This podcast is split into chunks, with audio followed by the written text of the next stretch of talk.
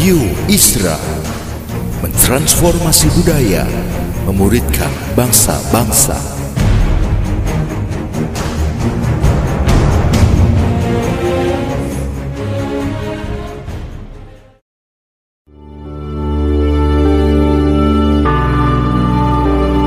Apostolic Prophetic Messages mengungkapkan pesan dan arahan dari hati Tuhan bagi gerejanya demi menuntaskan mandat kerajaan Allah di Indonesia dan bangsa-bangsa. Selamat mendengarkan.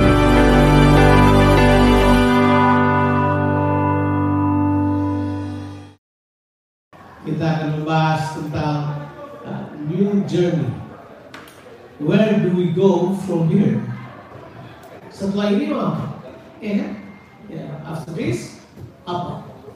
Saudara pasti berpikir apa ya? Setelah ini apa? Apa yang Tuhan mau untuk kita masuki? Ya apa? Setelah pandemi, so what? What next? Apa yang berikutnya? Nah, saya cuma ingin uh, challenge saudara supaya saudara selalu mengikuti jalan yang Tuhan sudah atur buat kita. Kita akan berjalan di jalannya Tuhan karena kita tahu Tuhan sudah membuat jalan yang baru, betul ya? Coba kita baca dulu ayat ini. Ayat ini selama selama mungkin dua, dua bulan terakhir ini sudah dengar saya sampaikan berulang-ulang dan kita akan baca ulang ayat tersebut. Kita akan baca dalam Yesaya 43 ayatnya yang ke-19 sampai ayatnya yang ke-21.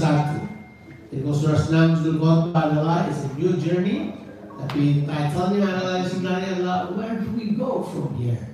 Kita mau pergi ke mana setelah ini? Apa kita mau dituntun ke mana oleh Tuhan? Ya, oke. Okay, so Isaiah 43, verse 19 to 21. Yesaya 43 ayat 19 sampai ayatnya yang kedua puluh. Oke, Alkitab katakan sebagai berikut. Lihat, aku hendak membuat sesuatu yang baru, yang sekarang sudah tumbuh. Belumkah kamu mengetahuinya? Ya, aku hendak membuat jalan di padang gurun dan sungai-sungai di padang belantara. Binatang hutan akan memuliakan aku, serigala dan burung unta Sebab aku telah membuat air memancar di padang gurun dan sungai-sungai di padang belantara untuk memberi minum umat pilihanku. Umat yang telah kubentuk bagiku akan memberitakan kemasyuranku. Itu ayatnya kita udah baca. Sekarang kita kita mau lihat dulu apa setelah ini. Kita bilang buat kita udah jelas. Lihat, aku membuat segala sesuatu baru. Aku membuat sesuatu yang baru. Terus dia bilang sekarang sudah ada, ya kan? Nah apa yang Tuhan buat basically? Nah yang pertama yang Tuhan buat untuk kita adalah Tuhan mau kita semuanya terakses langsung pada Tuhan. Itu yang pertama. Kita semuanya terakses langsung pada Tuhan oleh Kristus. Kita semuanya harus memiliki hubungan pribadi dengan Tuhan dan menemukan jalan yang Tuhan berikan buat kita. Dan sudah perhatikan selama dua tahun ini, kita tentu tahu kan, saya sudah ulang-ulang katakan ini, ritual kita hancur, yaitu ritual gereja. Orang yang berharap pada pendeta nggak bisa lagi. Orang yang cuma datang ke gereja kemudian berharap uh, ikutin ibadah nggak bisa lagi. For almost two years kita tidak punya itu, ya kan? Ya. Apa tujuannya Tuhan buat itu? Sebenarnya Tuhan mau bilang begini, sebab ada sebuah jalan yang dia siapkan. Jalannya itu adalah semua orang terkoneksi kepada Bapa. Semua orang tersambung pada Tuhan. Coba kita baca ayat ini, paling tidak untuk memberikan saudara sebuah pemahaman. Kitab Ibrani, ide ini ditulis dalam kitab Ibrani. Ibrani pasalnya yang ke-10 juga kita akan lihat ya. Kita kita lihat Ibrani pasalnya yang ke-10 ayat 19 sampai ayatnya yang ke-21 ditulis seperti ini. Jadi saudara-saudara, oleh darah Yesus kita sekarang dapat apa, dengan penuh kita sekarang penuh keberanian dapat masuk ke dalam tempat kudus karena ia telah membuka jalan yang baru dan yang hidup bagi kita melalui tabir yaitu dirinya sendiri. Nah ini yang Tuhan mau terlaksana dalam kehidupan kita. Jalan baru itu adalah semua kita terakses kepada pribadi Yesus. Dia adalah imam besar kita. Dibilang gini, kita perlu keberanian dapat masuk ke dalam tempat kudus karena ia telah membuka jalan baru dan hidup. Aneh, jalan ini adalah dia baru tapi dia juga hidup.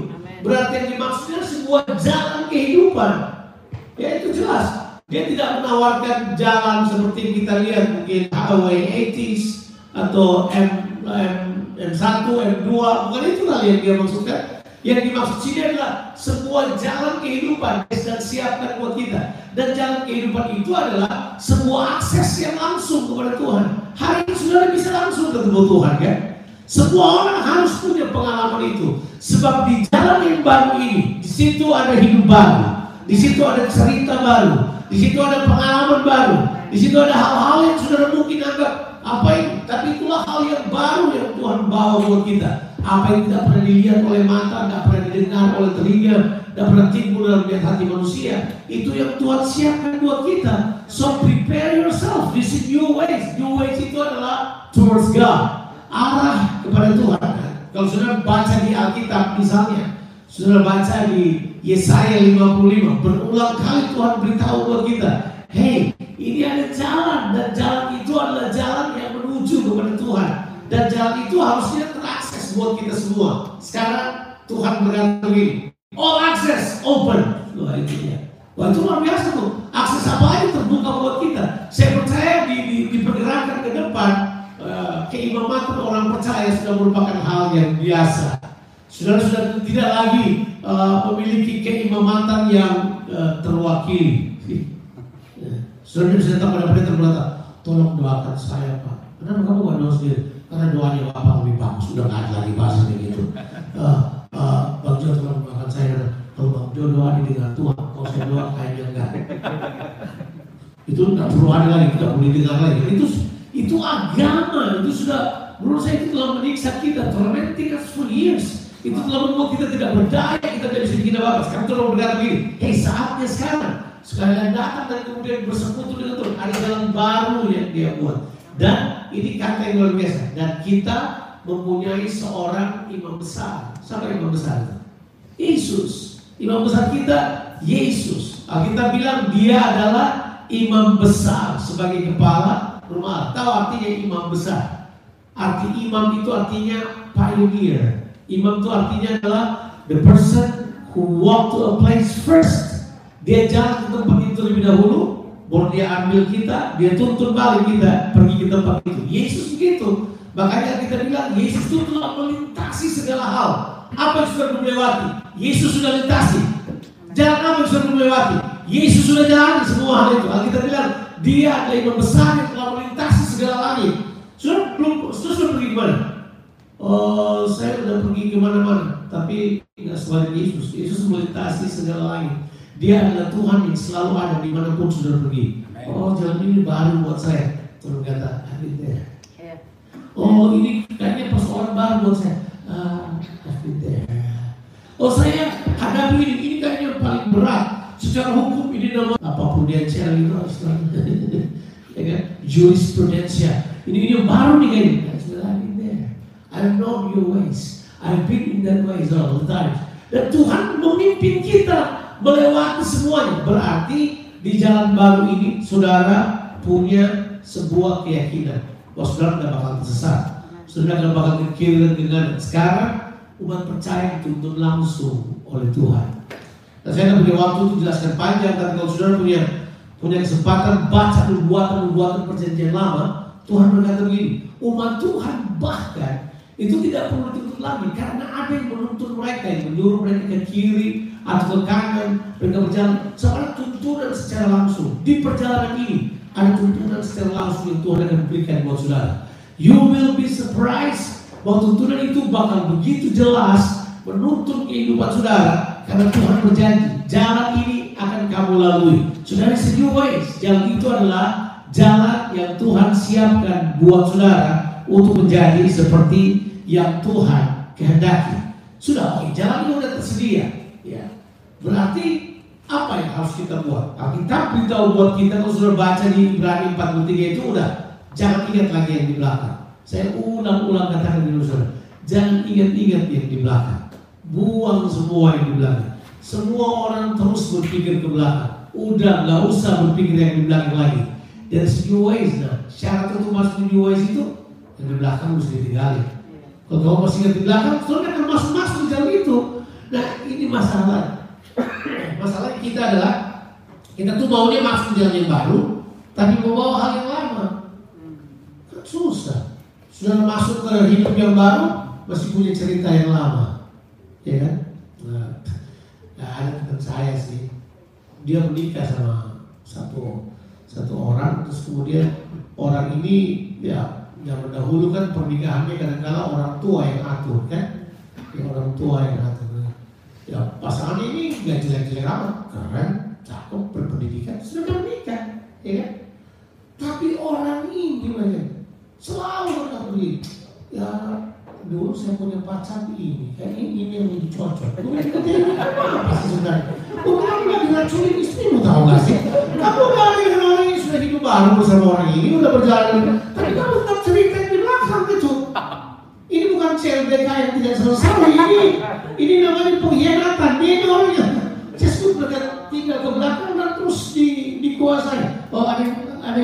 CLBK ya? Sudah mungkin sudah nggak tahu CLBK. Oke, cinta lama bersemi kembali itu. Saya kira sudah masih baca-baca kamu sih, ya. Tapi that's that's that's the point. Itu sangat menyedihkan. Sudah ada jalan baru, sudah ada hidup baru yang Tuhan siapkan buat kita. Tapi kita masih hidup dengan cara yang lama. Ya. Itu seperti saudara membawa telepon yang diputar-putar itu ke mana-mana sekarang. Coba, coba bawa itu ke mana-mana. Telepon itu ya. Itu saudara bawa Halo apa kabar? Terus jalan ke mana-mana yang saudara bawa itu. Ya itu orang kayak begitu sekarang ini. Itu saudara bayangkan. Orang masih kayak begitu. Sudah bawa Nokia pisang aja orang udah ketawain. Apalagi itu ada ada Motorola yang kayak kalau kita lempar nanti kalau mati itu gedenya kayak batu bata gitu. Ada nggak punya itu kan? Saya pertama pakai handphone bangga itu tinggi segini, pakai lagi getar screen saya minum kopi, kayak bangga banget. Coba bawa itu sekarang. Because all things, tahu all things sometimes embarrass you, you know what I mean? Tapi itu kayaknya suka aja, kita suka aja.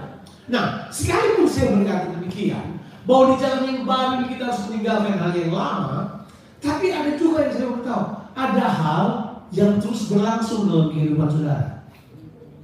Nah, ini yang saya mau beritahu. So in these new ways ada hal yang terus berlangsung. Apa? Pembentukan Tuhan tetap berlangsung. Tetap pembentukan masih berlangsung, tetap. Siapa bilang di jalan baru ada pembentukan? Saya kira kita ikut Tuhan kita nggak mengalami kesusahan. Tetap susah, tapi bisa menang dalam kesusahan. Oh tetap berhadapan dengan duka cita, tapi kita bisa menang menghadapi duka cita. Oh tetap berhadapan dengan kesulitan, tantangan,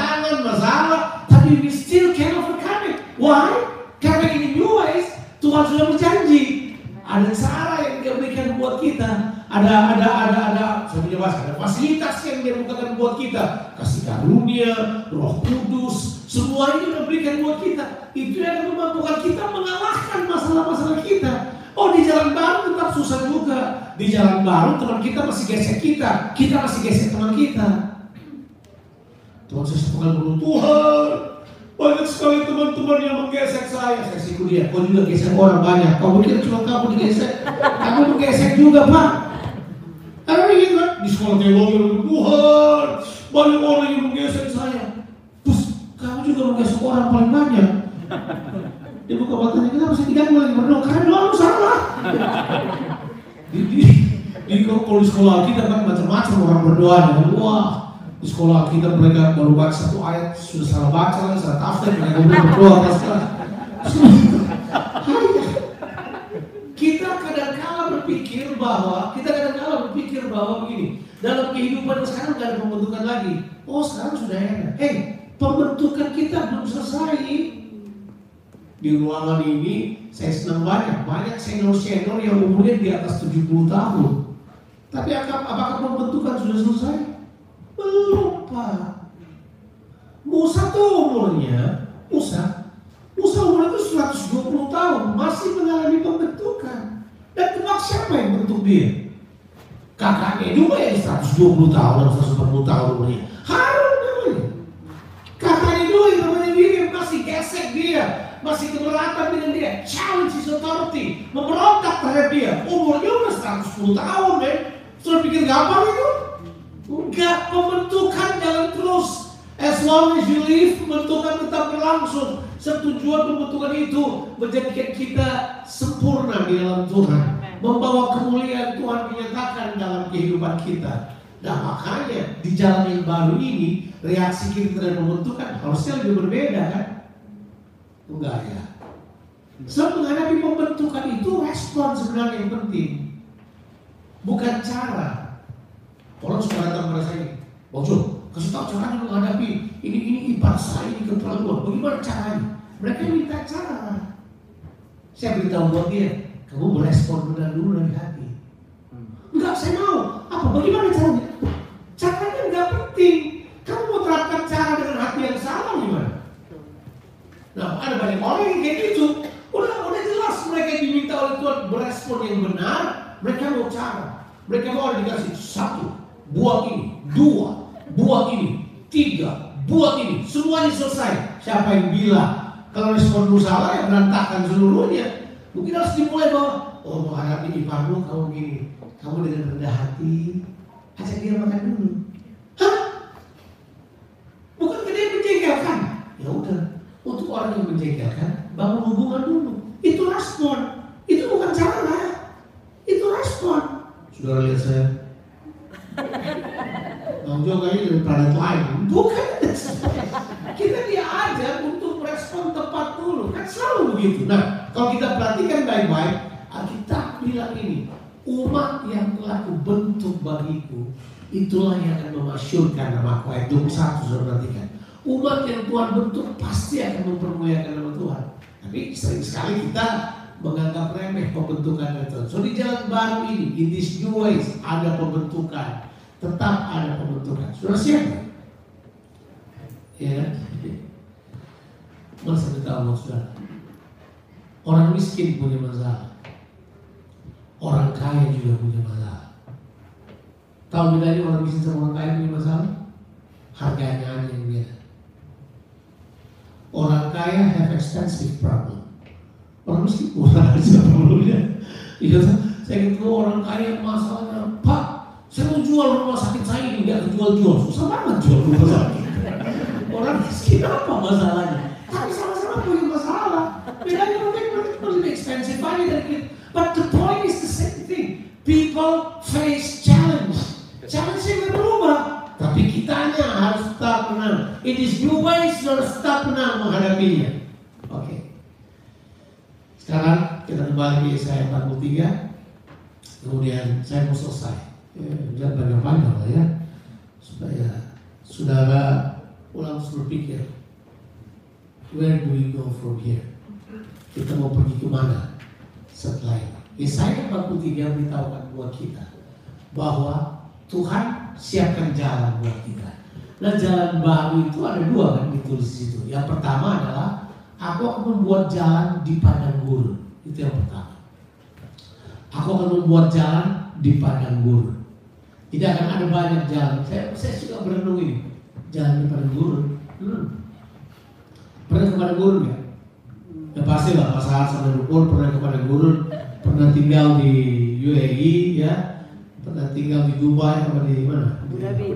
Abu Dhabi ya itu pergi ke pergi ke padang gurun saya tinggal ngesot aja karena padang gurun semua gitu. itu uh, Sheikh Sheikh Arab tuh saking kayanya mereka lupa padang gurun di kota paling subur di dunia bayangin aja mereka mereka main ski di padang gurun makanya petrol mahal-mahal cuma biaya naik main ski di padang gurun amazing ya itu uh, uh, di padang gurun itu kalau sudah pergi ke padang gurun kan apa Semuanya jalan di padang gurun. Maksudnya di padang gurun tuh ya mau ke mana aja mau gak ada apa-apa. Di padang gurun terlalu banyak jalan. Dan kita mau beritahu kita ada sebuah jalan yang dia bangun. Dan jalan itu adalah jalan kemenangan. Ya, itu dia. Terjemahan dalam bahasa Inggris itu ada highway in the wilderness. Nah, kalau Alkitab bilang highway itu bukan kayak kita bilang highway apa, highway apa enggak. Alkitab bilang highway itu jalan dari atas.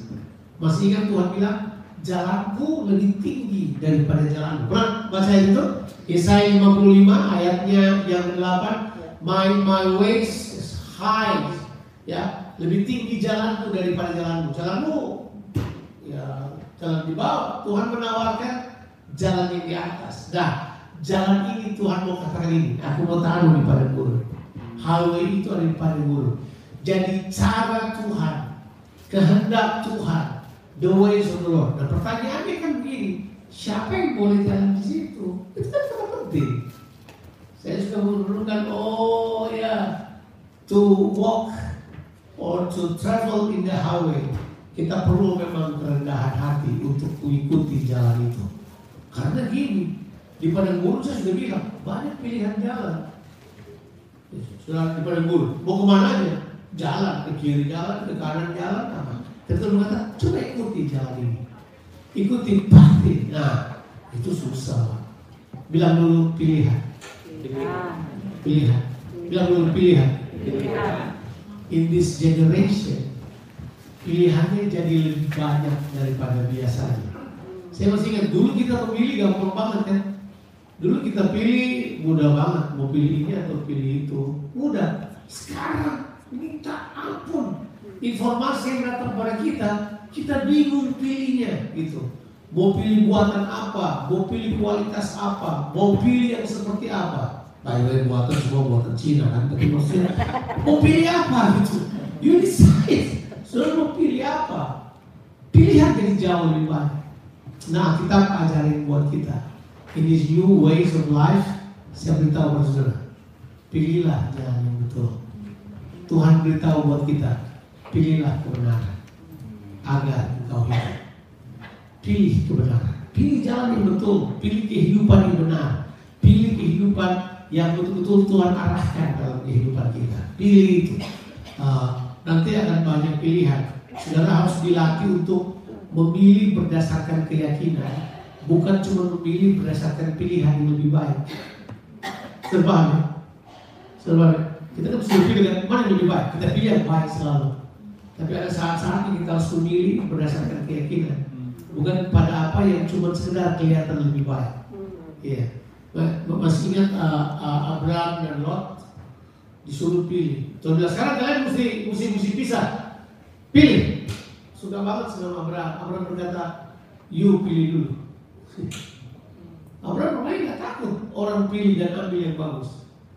Kalau suruh memilih, kalau misalnya misalnya uh, uh, say Boxing Day tanggal 26, orang tuh sampai berkemah loh di depan toko. Iya, mereka antri depan toko untuk apa? Untuk pilih yang paling mereka inginkan dan yang paling murah sebenarnya dan paling mereka sukai kan? Betul kan? Ya kan? Itu lihat saudara, kita pilih yang yang kayak begitu. Saudara mau yang paling bagus, betul? Ya kan? Saya belajar bahwa tidak semua pilihan bahwa harus yang paling bagus. Kita harus dilatih untuk memilih berdasarkan keyakinan. Ke depan pilihan bakal jadi jauh lebih banyak. Tapi saudara harus memilih jalan Tuhan. Saudara harus memilih apa yang Tuhan inginkan. Pilihlah kehendak Tuhan. Pilihlah kebenaran. Uh, banyak pilihan. Orang suka bertanya kepada saya, pilihan apa yang paling sulit Bajo dalam kehidupannya Bajo? Ya, kalau memilih istri sudah keren saya, sudah yang lama. Memilih pekerjaan keren pilihan saya, sudah tidak ada yang kalah. Kalau pilih apa ada banyak. Tapi yang paling susah adalah memilih waktu diam atau kapan bicara. Itu saya susah banget. Susah banget. Susah saya bilang, harus bicara apa enggak? Saya harus diam aja. Tapi kan mulut saya nggak ada remnya biasanya kan. Pengkhotbah, orang bicara itu pengen ngomong. Hmm. Karena kita harus punya pilihan-pilihan dalam kehidupan ini. Ini tidak mudah, tidak gampang. Tapi begitulah di jalan yang baru ada pilihan-pilihan yang jauh lebih banyak. Nah, kita mesti latih dari sekarang. Coba pilih yang berdasarkan kehendak Allah. Pilih. Nah, kita beritahu buat kita. Orang pikir memilih itu cuma gampang. Ayo, mana mana mana anak-anak pilih ice cream atau handphone? Anak sekarang pilih handphone, bukan kan pilih ice cream. Coba aja, coba, coba. Coba, kasih tahu anak umur 3 tahun. iPad sama ice. Dia pilih iPad, udah jadi. Coba aja, coba. Anak sekarang pintar, Pak. Mereka dilahirkan dengan gadget di kepala mereka. Tapi saya mau beritahu buat saudara bahwa ini ini ini, ini fakta, ini ini ini, ini faktual ya. Bahwa pilihan-pilihan itu sebenarnya dimulai dari apa? Perubahan pikiran. Alkitab bilang di dalam Roma 12 ayat yang kedua, janganlah menjadi serupa dengan dunia ini. Sangat disayangkan ya. Banyak sekali orang memberi teladan mereka memilih dunia dan kelihatannya mereka kaya, mereka sukses dan mereka tawarkan itu kepada orang lain dan orang lain berpikir itu jalan yang paling bagus buat mereka. Be careful. Kita harus berhati-hati. Saya tidak bilang tidak boleh kaya. Jadilah kaya. Tadi malam saya share di di live saya, saya bilang tidak ada rencana Tuhan membuat saudara miskin. Itu tidak ada rencana Tuhan. Tidak ada di benak Tuhan menjadikan saudara miskin. Miskin datang karena dosa. Itu jelas.